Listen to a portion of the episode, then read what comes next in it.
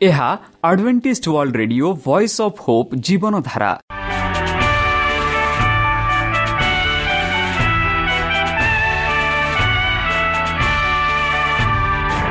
Odia radio କାର୍ଯ୍ୟକ୍ରମ ଯାହା ଆମର ଆନ୍ତର୍ଜାତୀୟ ଆଘାତ କେନ୍ଦ୍ରରୁ ପ୍ରସାରଣ କରାଯାଉଛି ପ୍ରତିଦିନ ରାତି ନଅଟା ତିରିଶ ମିନିଟ୍ରେ। ମୁଁ ସୁବ୍ରତ କୁମାର ପତି ପ୍ରେମର ସହ ଆପଣମାନଙ୍କୁ ଏହି କାର୍ଯ୍ୟକ୍ରମକୁ ସ୍ୱାଗତ କରୁଅଛି। ଚାଲନ୍ତୁ ଆଜିର ତିରିଶ ମିନିଟ୍ର କାର୍ଯ୍ୟକ୍ରମ ବିଷୟରେ ଜାଣିନେବା। ପ୍ରଥମେ ରଖିଛୁ ଆଧ୍ୟାତ୍ମିକ ଭକ୍ତିମୟ ଗୀତ।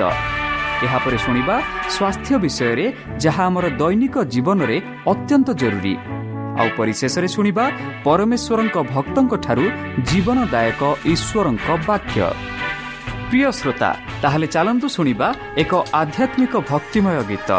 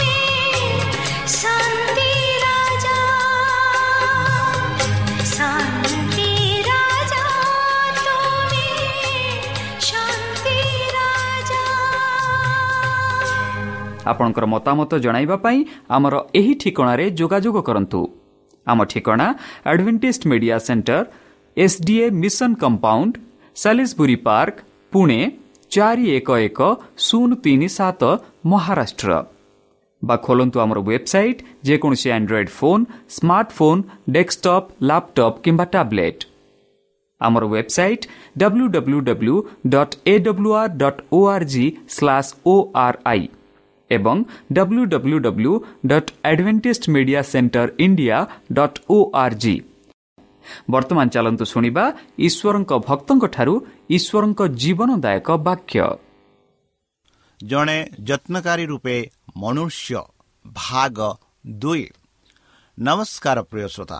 ସେହି ସର୍ବଶକ୍ତି ସର୍ବଜ୍ଞାନୀ ପ୍ରେମର ସାଗର ଦୟାମୟ ଅନ୍ତର୍ଜମୀ ଅନୁଗ୍ରହ ପରମ ପିତାଙ୍କ ମଧୁର ନାମରେ ମୁଁ ପାଷ୍ଟର ପୂର୍ଣ୍ଣଚନ୍ଦ୍ର ଆଉ ଥରେ ଆପଣମାନଙ୍କୁ ଏହି କାର୍ଯ୍ୟକ୍ରମରେ ସ୍ୱାଗତ କରୁଅଛି।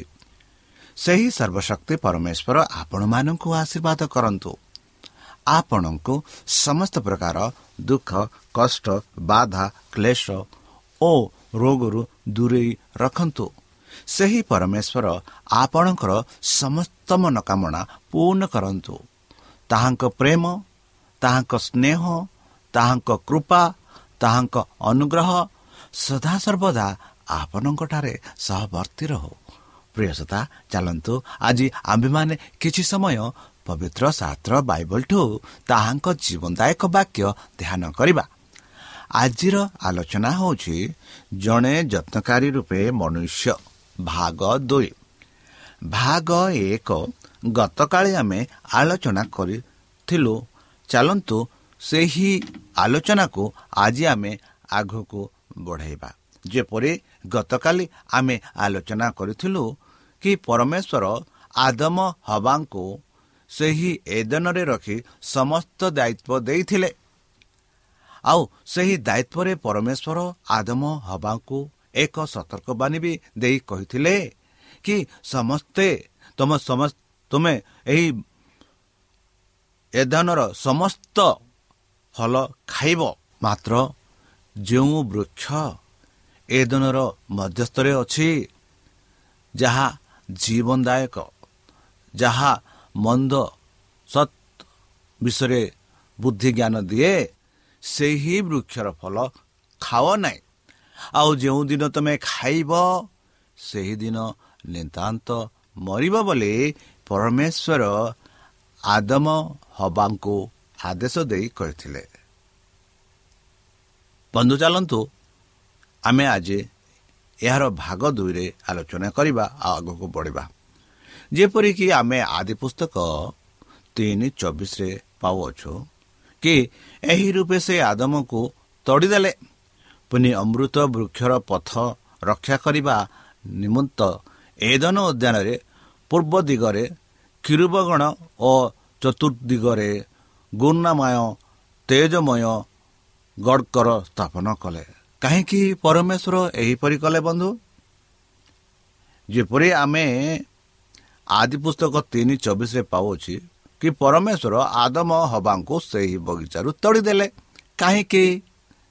ଆମେ ଦେଖିଲୁ ଗତକାଲି କି ପରମେଶ୍ୱର ଆଦମ ହବାଙ୍କୁ ସେହି ସୌନ୍ଦର୍ଯ୍ୟ ଏ ଦିନରେ ସ୍ଥାପନ କଲେ। ଆଉ ସେମାନଙ୍କୁ ସମ୍ପୂର୍ଣ୍ଣ ସ୍ୱାଧୀନ ଦେଲେ କି ସେହି ଏଦିନର ପ୍ରତ୍ୟେକ ବୃକ୍ଷର ଫଳ ଖାଇବେ ଆଉ ତାର ଯତ୍ନ ନେବେ। ଆଉ ସେମାନଙ୍କୁ ବି ସତର୍କବାଣୀ ଦେଇ କହିଥିଲେ କି ଏହି ବେଦନର ମଧ୍ୟସ୍ଥରେ ଯେଉଁ ବୃକ୍ଷ ଅଛି ସେହି ବୃକ୍ଷର ଫଳ ଖାଅ ନାହିଁ। ଆମେ ଯାହା ଦେଖୁଅଛୁ ଯଦି ଆମେ ଆଦି ପୁସ୍ତକ ତିନି ପଢ଼ିବା ଯଦି ଆମେ ଦେଖିବା ସେଠି ଆମେ ସୁନ୍ଦର ଭାବରେ ତିନି ଚାରି ଆମେ ଦେଖାଉଛୁ ଭଲ ଭାବେ ପାଉଅଛୁ ଯେବେ ହବା ସେହି ଏଦନରେ ଏକା ହୋଇ ସେ ସନ୍ଧ୍ୟାବେଳେ ଭ୍ରମଣ କରୁଥିଲେ ସେ ଏକ ସୁନ୍ଦର ସ୍ୱର ଶୁଣିଲେ ସେହି ବୃକ୍ଷ ଯେ ପରମେଶ୍ୱର ସେମାନଙ୍କୁ ମନା କରିଦେଇଥିଲେ ଆଉ ସେହି ବୃକ୍ଷରେ ଯାଇକି ସର୍ପ ରୂପ ନେଇ ହବାଙ୍କ ସହ କଥା ହେଉଛନ୍ତି।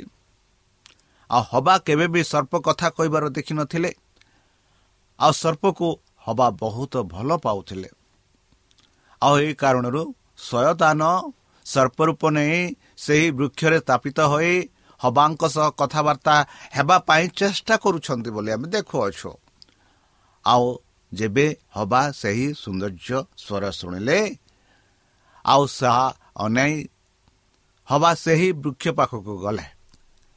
ଆଉ ସେହି ସର୍ପ ହବାକୁ ପ୍ରଶ୍ନ କଲେ ଆଗ ନାରୀ କ'ଣ ପରମେଶ୍ୱର ତୁମମାନଙ୍କୁ ଏହି ବୃକ୍ଷର ଫଳ ଖାଇବାକୁ ମନା କରିଛନ୍ତି? ତେବେ ହବା ସେହି ପ୍ରଶ୍ନର ଉତ୍ତର ଦେଲେ ହଁ ପରମେଶ୍ୱର ଆମମାନଙ୍କୁ ଏହି ବୃକ୍ଷର ଫଳ ଖାଇବାକୁ ମନା କରିଦେଇଛନ୍ତି।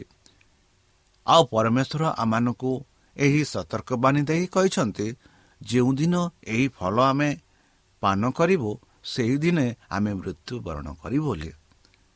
ମାତ୍ର ପରମେଶ୍ୱର ଏହିପରି କାହିଁକି କଲେ ହବା ଜାଣିନଥିଲେ ଆଉ ଏଠି ଆମେ ଦେଖୁଅଛୁ ଶୈତାନର ପ୍ରଲୋଭନ।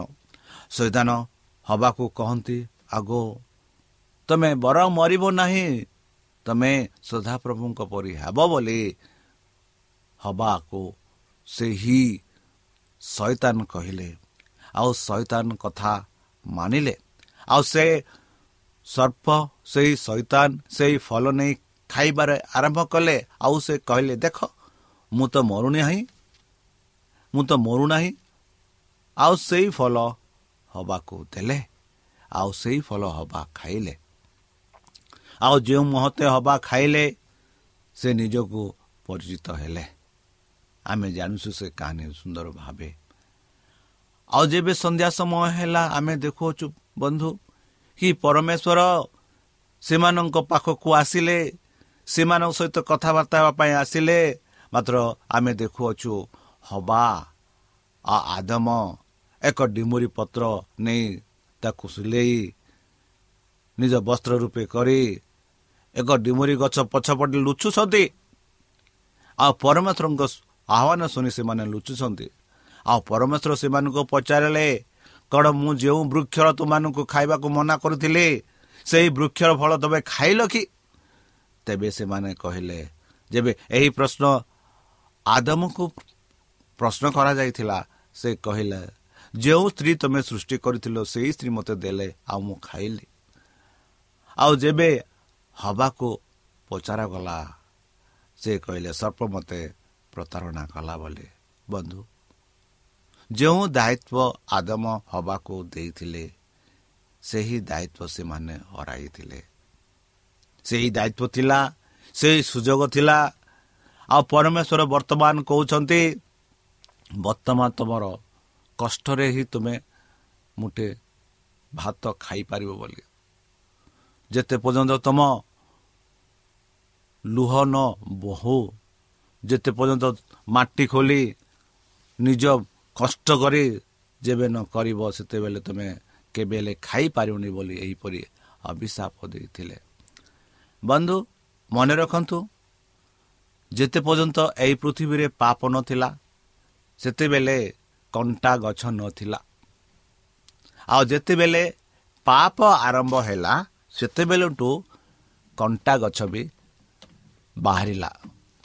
ବନ୍ଧୁ ଏହି କାରଣରୁ ଆମେ ଦେଖୁଅଛୁ ଆଦି ପୁସ୍ତକ ତିନି ଚବିଶରେ ପରମେଶ୍ୱର ଯେଉଁ ଦାୟିତ୍ୱ ଦେଇଥିଲେ ଆଦମ ହବାଙ୍କୁ ସେହି ଦାୟିତ୍ୱ ସେମାନେ ହରାଇଥିଲେ। ଆଉ ସେଥିଯୋଗୁଁ ଆମେ ଦେଖୁଅଛୁ ଯେଉଁ ବୃକ୍ଷ ସେହି ଯେଉଁ ଏଦନରେ ଦୁଇ ପ୍ରକାର ବୃକ୍ଷ ଥିଲା। ଏକ ସତ୍ ସତ୍ ବୁଦ୍ଧି ଜ୍ଞାନର ବୃକ୍ଷ ଆଉ ଏକ ଜୀବନଦାୟକ ବୃକ୍ଷ। ଆଉ ପରମେଶ୍ୱର ସେମାନଙ୍କୁ ସେଇ ଏଦନରୁ ତୋଡ଼ିଦେଲେ। କାହିଁକି? ଯେପରି ସେମାନେ ସେହି ଜୀବନଦାୟକ ବୃକ୍ଷ ଖାଇ ଜୀବନ୍ତ ନ ରହିପାରିବେ ପାପରେ ଜୀବନ୍ତ ନ ରହିପାରିବେ। ସେଥିଯୋଗୁଁ ସେମାନଙ୍କୁ ସେହି ବଗିଚାରୁ ସେହି ଏଦନରୁ ସେମାନଙ୍କୁ ତଡ଼ିଦେଲେ ବୋଲି ଆମମାନେ ପାଉଅଛୁ। ଆଦି ପୁସ୍ତକ ତିନି ଚବିଶରେ ଆଉ ଥରେ ପଡ଼ୁଛି ମନ ଦେଇ ମନ ଦେଇ ଶୁଣନ୍ତୁ। ଏହି ରୂପେ ସେ ଆଦମକୁ ତଡ଼ିଦେଲେ। ତାହିଁ ନୁହଁ ପୁଣି ଅମୃତ ବୃକ୍ଷର ପଥ ରକ୍ଷା କରିବା ନିମନ୍ତେ ଯେଉଁ ପଥ ସେହି ଅମୃତ ବୃକ୍ଷକୁ ଯାଉଅଛି ସେହି ପଥରେ ପରମେଶ୍ୱର ଏମିତି ସୁରକ୍ଷା କଲେ କି କିରୁବନ ଓ ଚତୁର୍ଥ ଦିଗରେ ଗୁର୍ଣ୍ଣମୟ ତେଜମୟ ଖଡ଼କ ସ୍ଥାପନ କଲେ। ଦୁଇ ଜାଗାରେ। କିରୁବଣ ଓକେ ପୂର୍ବ ଦିଗରେ ଆଉ ଚତୁର୍ଥ ଦିଗରେ। ସେ ପରମେଶ୍ୱର କିରୁବଙ୍କ ହସ୍ତରେ ଏକ ଜ୍ୟୋତିର୍ମୟ ବା ଜ୍ୟୋତିର୍ମୟ ଖଡ଼ଗସ୍ତ ଧରି ସେମାନଙ୍କୁ ରଖିଲେ ବୋଲି। ଯେପରି ଆଦମ ହବା ଆଉ ଥରେ ସେ ଏଦନରେ ପ୍ରବେଶ ନ ହୁଅନ୍ତୁ ଆଉ ସେହି ଜୀବନଦାୟକ ବୃକ୍ଷର ଫଳ ନ ଖାଆନ୍ତୁ। ପରମେଶ୍ୱର ଆମମାନଙ୍କୁ ଏହି ଜଗତ ଏହି ପୃଥିବୀ ଏହି ସମାଜ ଏହି ପରିବାର ଯତ୍ନ ନେବା ପାଇଁ ଆମମାନଙ୍କୁ ଏହି ପୃଥିବୀରେ ଦେଇଛନ୍ତି। ଆଉ ଯେବେ ସେହି ଯତ୍ନରୁ ଆମେ ଯଦି ବାହାର ହେଇଯିବା ତାହେଲେ ପରମେଶ୍ୱର ଆମମାନଙ୍କୁ ତୋଡ଼ିଦେବେ।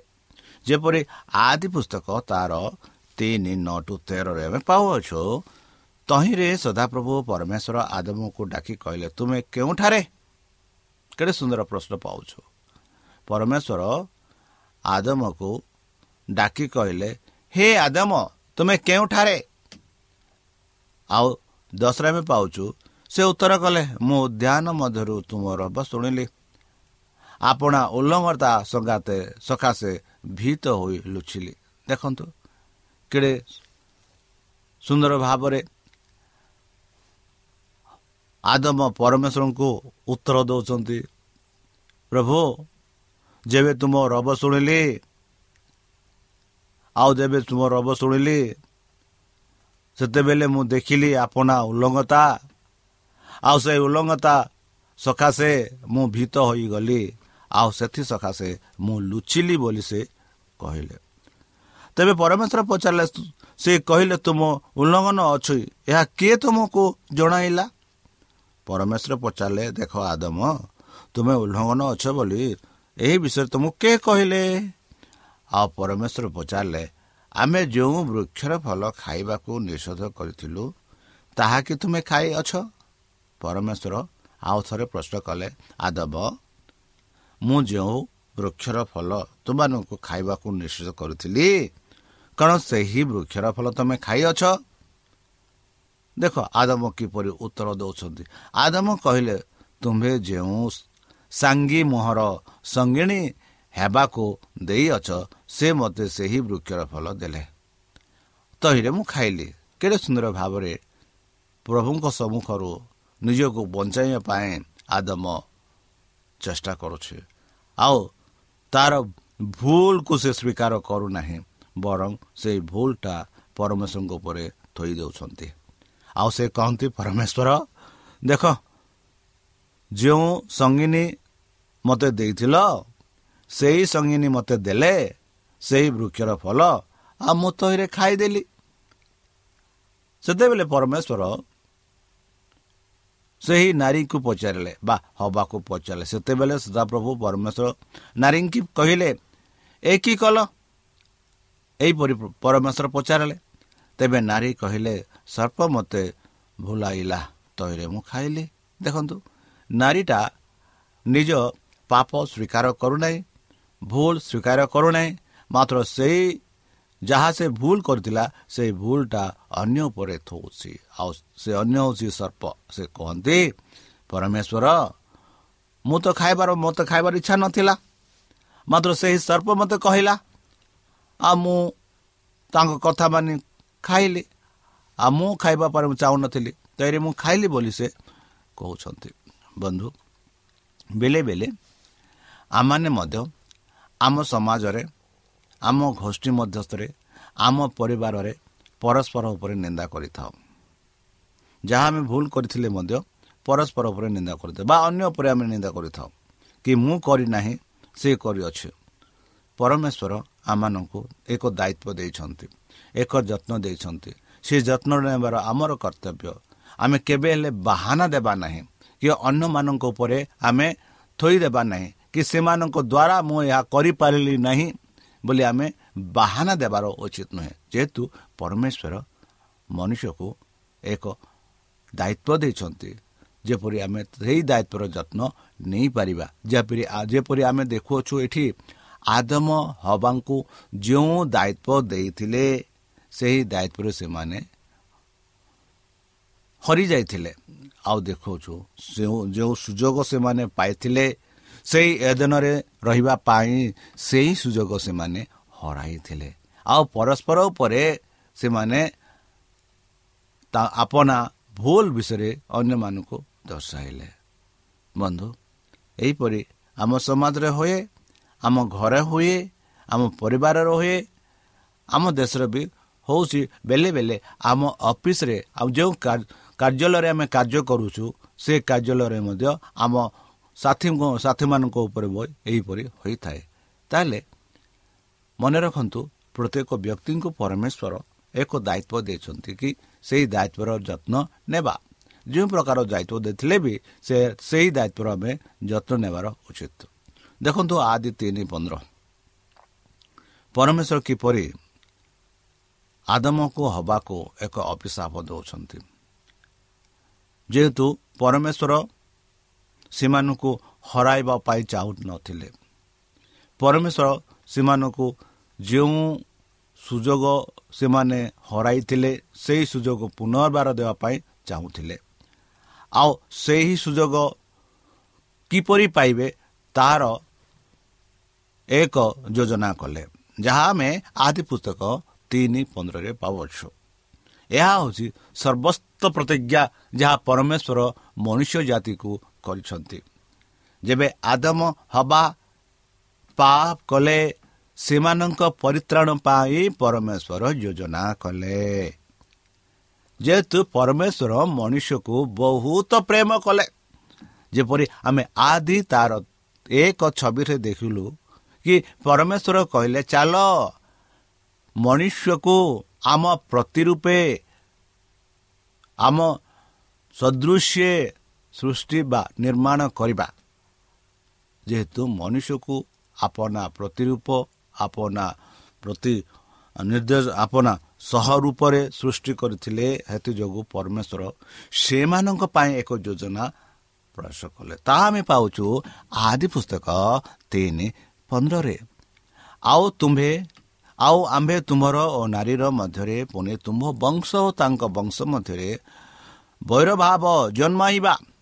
ସେ ତୁମ୍ଭର ମସ୍ତକକୁ ଆଘାତ କରିବେ ଓ ତୁମ୍ଭେ ତାହାଙ୍କ ଗଇଠିକି ଆଘାତ କରିବ। ବନ୍ଧୁ ଏହିପରି ପ୍ରତିଜ୍ଞା ପରମେଶ୍ୱର କହିଥିଲେ। ଏହିପରି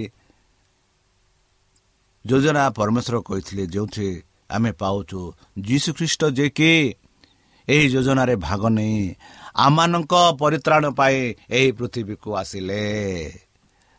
ଆଉ ସେଇ ଯେଉଁ ସର୍ପକୁ ଆଘାତ କଲେ ଆଉ ସେଇ ସର୍ପକୁ ନଷ୍ଟ କଲେ ପରମେଶ୍ୱର ଯୀଶୁଖ୍ରୀଷ୍ଟ। ଯୀଶୁଖ୍ରୀଷ୍ଟ ଏହି ପୃଥିବୀକୁ ଆସିଲେ ଯେପରି ଆମେ ପୁନର୍ବାର ସେହି ସୌନ୍ଦର୍ଯ୍ୟ ଏଦନରେ ପ୍ରବେଶ ହେଇ ସେ ସ୍ୱର୍ଗର ଏଦନରେ ପ୍ରବେଶ ହୋଇ ସେହି ପରମେଶ୍ୱରଙ୍କ ସହ ସଦା ସର୍ବଦା ରହିପାରିବା। ଏହାର ପରମେଶ୍ୱରଙ୍କ ଇଚ୍ଛା।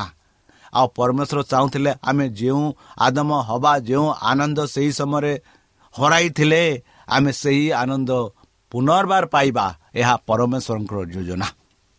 ଆଉ ସେହି ଯୋଜନା ଯୋଗୁଁ ଆମେ ଦେଖୁଅଛୁ ଯୀଶୁଖ୍ରୀଷ୍ଟ ଏହି ପୃଥିବୀକୁ ଆସିଲେ ବାସ କଲେ ସେବା କଲେ ଆଉ ପରିଶେଷ ମୃତ୍ୟୁବରଣ କଲେ। ଆଉ ବର୍ତ୍ତମାନ ସେ ସ୍ୱର୍ଗକୁ ଯାଇଛନ୍ତି।